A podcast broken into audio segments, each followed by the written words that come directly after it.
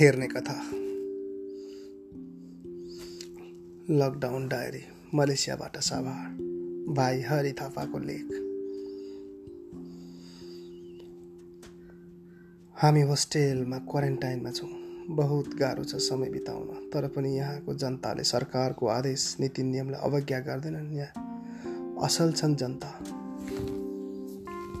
आफ्नोभन्दा पनि स्वदेशमा रहेका परिवारको चिन्ता लाग्छ। फेरि हाम्रो नेपालीहरू उस्तै छन्। बन्द कस्तो भयो भनेर मजाक गर्दै बाहिर हिँडिरहेका पनि देखियो। जे होस् मलेसियाको लकडाउन नेपालको जस्तो फितलो छैन। खैर अब विदेशमा भए पनि देशको कुरा गरौँ। नेपाली जनतालाई त कोरोनाले छोडेन। सरकारले नलागोस् कामना गर्दछु अन्य देशका सरकारका प्रतिनिधि राष्ट्रपति मन्त्रीका पनि सङ्क्रमण देखियो। तर नेपालमा सरकारका प्रतिनिधिहरू अझै सुरक्षित छन्। आदेश दिएको भरमा प्रभावकारी काम गर्न सक्छन्। कोरोना सङ्क्रमण भए चाहिँ मौन बस्ने भए नि। मानिसलाई कोरोनाको भन्दा भोकको डर ज्यादा छ। यो देशमा लाखौँ श्रमिकको पीडा बिहान काम नगरे बेलुका माम नपाइने जति लुकाउन छिपाउन खोजे पनि वास्तविकता यही हो।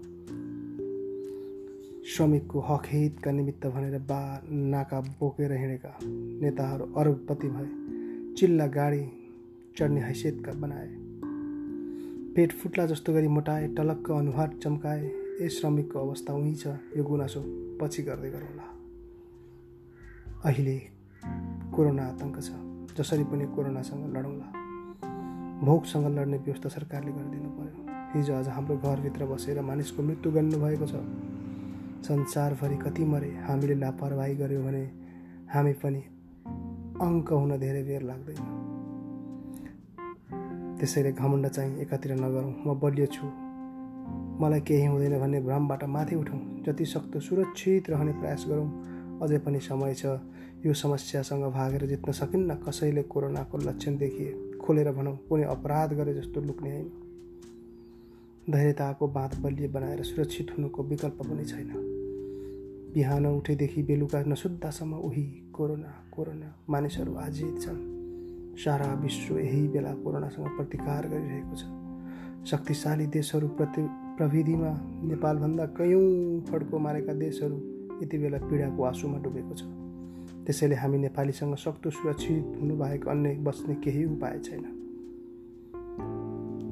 नेपालमा चार पाँचजनामा कोरोना देखियो। बल्ल सबको होस चाहिँ भयो। अहिले डर त्रास छ। र देश दस दिन अगाडि मात्र मानिसमा देखिएको भए पनि यो राहत हुने थियो। हालसम्म सङ्क्रमण भएका व्यक्ति देशबाट आएका भनिएका छन् विदेशबाट आएका भनिएका छन्। सुरुवातदेखि नै बाहिरबाट आउनेलाई क्वारेन्टाइनमा राख्ने व्यवस्था भएको भए यो त्रास हुने थिएन कि? जो सङ्क्रमण भनेर अहिले भनिरहेका छन् तिनीहरू कहाँ गए कहाँ गए कसलाई भेटे? समयमा सावधान नअपनाउनुको कारण थप चुनौती बिहोर्नु परेको छ।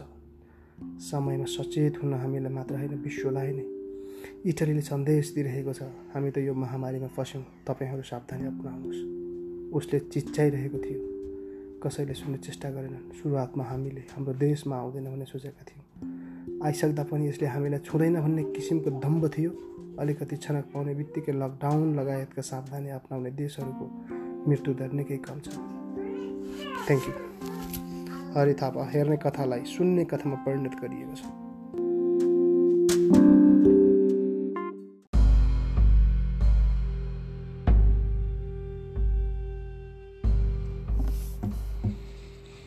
भालु बाँडी। तिन। जब कृषिलाई उसिनेर दुनियाँमा व्यापार हाबी भयो दुनियाँको चमक दमक पनि वात्तै बढ्न थाल्यो। अब मानिसहरू कपास बेचेर ब्रान्डेड लुगा किन्न थाले। अब मान्छेहरू आफ्नो खेतको अनाज र अन्य उत्पादन बेचेर फास्ट फुड खान थाले। मान्छेहरू कैयन वर्ष गधाले झैँ काम गरेर सवारी साधनहरू किन्न थाले। रोडा ढुङ्गा थुपारेर अग्ला अग्ला आलिसान महल बनाउन थाले। व्यापारको बढोत्तरीसँगै मानिसहरू विलासिताको दहमा भासिन थाले। कृषि सभ्यताको समृद्धि र सादगी क्रमशः पदार्थको पराकाष्ठमा तब्बिल हुन थाल्यो। स्वस्थता हरायो। स्वच्छता गायब हुन पुग्यो। प्राङ्गारिक जिन्दगीहरू हेर्दा हेर्दै जहरिलो रसायनले डढ्न पुगे। एन्टिबायोटिकहरूले जिन्दगी कलिलैमा ध्वस्त हुन थाले। पुँजीको सिद्धान्तले हरेक वस्तुको मूल्य तोक्छ मान्छेका टाउकाको भाव लगाउँछ होड प्रतिस्पर्धा र एक किसिमको तछाड मछाडको स्थिति उत्पादन गरेर मानिसहरूलाई उक्साउने काम हो व्यापार। जहाँ पैसा गन्ने बाहेक अर्थ सनै सनै कम महत्त्वपूर्ण हुँदै जान्छ। व्यापारमा मात्रै भर परेका मानिसहरू अब क्रमशः भोकमरीको शिकार हुनेछन् किनभने स्टकको एउटा हद हुन्छ। उत्पादन र आपूर्ति न्यून वा नगण्य भएपछि बजार स्वत रित्तो हुन जान्छ। रित्तिनुभन्दा अगाडि बजारमा ठुलो चलखेल हुन्छ कालो बजारीहरू हुन्छन्। उपरोक्त अवस्थामा कुनै उपाय नलागे लुटपाट र हिंसा नै निम्तिन सक्छ।